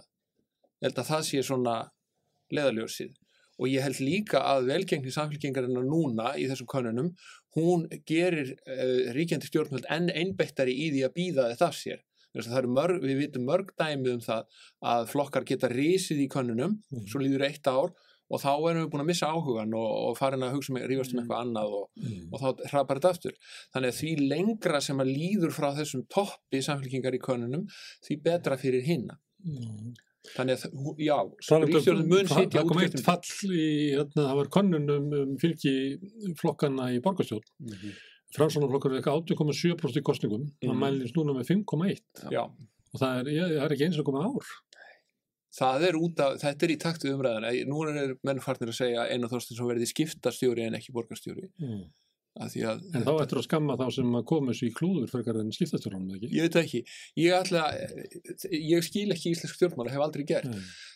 Framsóknarflokkurinn í Reykjavík er 18% hvaða vitleisa er þetta hvaða, hvaða fólk er þetta ef að þetta er fólkið sem er núna að fylgja sér að baki, baki samfélkingarinnar þá er þetta ekki þetta er ekki tröstir meðreðarsveinar Það þetta er er ekki að sé. fylgismenn En, en nú eru þið rosalega klart fólk.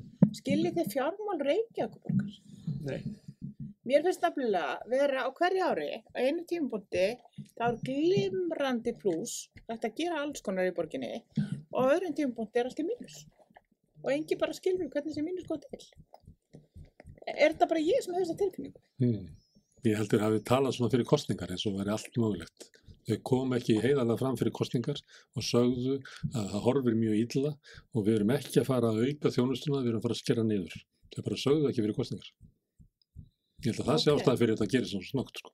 Að ég, annars getið var sagt ósatt og hitt getið satt. En Ég af hverju það sé framsóknarflokkur refsað fyrir það? Það er Það var, ég var að spurja Já, það, þið. það er lausafylgið það er lausafylgið þetta, er, þetta, er, þetta gerist hvað eftir annað. Að því að, að við, ég held að Íslandingar í heildsinni, skilur þeir vantristar stjórnmálamennum og þeim er illa við þá. Þess vegna er all, erum við alltaf að leitað einhverju bjargvætti, einhverju nýju. Þess vegna Mm. kjósum við flokka sem að stíga fram Mm. í sviðsljósið og, og, og lofa okkur bóti betrun, skilur þannig að það er, sagði ekki Jón Áskir heitin að það væri alltaf 25% af fylginu sem er á ferðalagi milli flokka frá, úr allan kostnaði Jónas. Já, hann sem var fréttamöður bara rúf, Jón Ásker hérna, Já, ég man ekki hvað hann heitir já. hann var að tók þátt í einhverju Ég held að vera ekkert um að búa til fræði í grein sem að fjallar um val fólks þegar það er að velja eitthvað sem að hérna, hefur anstíð á. Og þannig eru íslenski kjósendur. Mm. Það kemur fram að íslenski kjósendur hafa eiginlega enga trú á stjórnmálum. Mhm. Þess vegna held ég að fólk eigi að fara varlega í að ráða í það hvernig slíkt fólk velur. Það er eins og að vera með morguverðaborð með byggluðu bónusbrauði og skortnum osti og, og, og, og köldum havragrödd Mm. og ef þótt eitthvað taki ostin þá er ekki þar með sé að velja sér ost. Hann bara varða að gera eitthvað til þess að svelta ekki. Mhm. ég held að Íslands stjórnmál til þess að skilja skoðanakannanir og kostingúslit þá er meina að hafa þetta í huga. Og framsóknarflokkurinn er osturinn. Menn er að velja eitthvað sem er báð ekki um vilja ekki en telja að vera skostakostur Já, uppáhaldskostningarnir mínar voru þegar Elisabeth Jökuls bauði sig fram. Ég hef aldrei Já. kosið neina mannesku. ég hef Ég Já, ég var bara yes! Og hérna, hún er líka gamli nágranni minn og þetta var bara æðislegt. Hver eru aftur fórsetakostningar? Er þær, þær eru á næsta ári Þær eru á næsta ári. það er ekki Já. komið, það verður ekki fyrir enn í hérna, um áramóta ávarpinu sem að Guðni mun segja hvort hann ætla að bjóða sig fram það er hefðin Já. og hann mun örgulega halda sig við hana Amerikanir, þú varst að tala um það aðan að Amerikanir tilkynna þetta með tveggja ára fyrirvara er það ekki? Við höfum bara sex mánuði. Mm. og muniði eftir því hvað, hvað Ólafur sagði, Ólafur Ragnar sagði oft já, nei, jú, Já. þarna þegar Guðni var svo kosin Guðni verður áfram sko. hann mun gefa kostan fyrir ásam Ég held líka að þetta er skemmtilegt jobb, sko. Þetta er rosalega íst að vera fórseti Já, hann var í Evrópuráðinu í gær ávarpa Já. og hann var að tala um að vörnin gegn svona uh, fa- vaxandi uh, og sundrungu í Európu væri að við hefum samfélag sem er gott samfélag. Svo var hann að lýsa að í mínu samfélagi væri svona margir innflytjendur svona. Þegar ég var að hlusta á hann þá hugsaði ég, "Bíddu, þetta er ekki alveg vegna þess að eins og ég var að benda á þann að það eru 48 mann sem hafa ekki kostagrætt, fullur í fólk sem Mm. býr hérna og borgar skatta. Mm.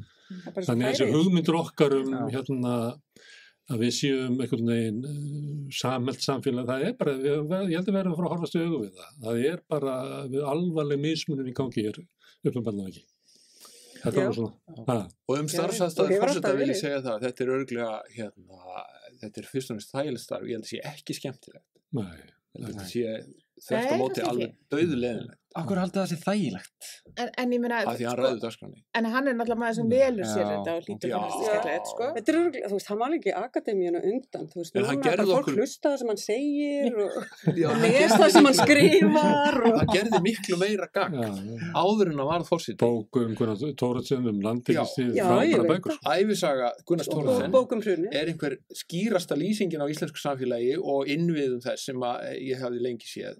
og flest sem að Guðni skrifaði var mjög áhugaverð. Mm. Og þess vegna fi- finnst mér per, príóta persónulega hann ætti að hætta þessu fórsetarugli og fara aftur að skrifa sagfræði. Hann mun gera það, en núna þegar hann gerir þetta, þá fer hann ekki í burnout og hérna sem að, sem háskóla kennar já, ég meina, og líka sko, hann fer ekki í burnout og hann þarf ekki að takast á við hérna nýjasta, hérna, sem þau eru að tala um að vera í opni vinnurými og, með, og með allar bækunar og, og þú veist, það verður allt liði hjá, þannig að hann þarf heldur ekki að fara í yfir En ef það kemur aftur og væri fyrirvændi fórseti og þrátt fyrir sko stefnu fjármálandarsins að allir hefur verið opnum rýmum, heldur myndi ekki búa að reyna kompu fyrir fyrirvændi fórseta? Það er komin Guðnastofa neyri í Árnagarði. hún, er, hún er komin. Það er bara, Já, Já. það er bara þannig. fær hann þá stæðið viðlýsa, það er síðan, fyrir utan Já, verið. á- kemur ekkert óvart, sko. Herðu, nú sláum við botnin í þetta. Tryggvi Helga, Tóra og Báll, takk kjærlega fyrir að staldra þetta við rauðaborðið og fara yfir fréttir vikunar. Þetta var vikuskamturinn á við rauðaborðið. Á morgun verður helgispjall. Ég ætla að tala þá við Egil Ólafsson um hans sjálfan og Parkinson, hvernig Egil Ólafsson með Parkinson, hvernig honu líður. Klöða nýju fyrirmálið, sjáumst þá, góð helgi. Er rétt að greiða lámarkslaun fyrir hámarks ábyrð? Til að manna mikilvægustu störfin þarf mannsæmandi laun, ebling, stjættafélag. Samstöðin er í eigu hlustenda, áhorfenda og lesenda. Þú getur átt samstöðina á samt öðrum félögum í alþýðufélaginu. Þú getur gengið í alþýðufélagið á samstöðin.is, þar er nappur sem segir skráning. Með því að ganga í leyendasamtökin stiður þú bara áttu leyenda. Leyendasamtökin eru fyrir alla þá sem vilja berjast fyrir réttlátu húsnæðiskerfi. leyendasamtökin.is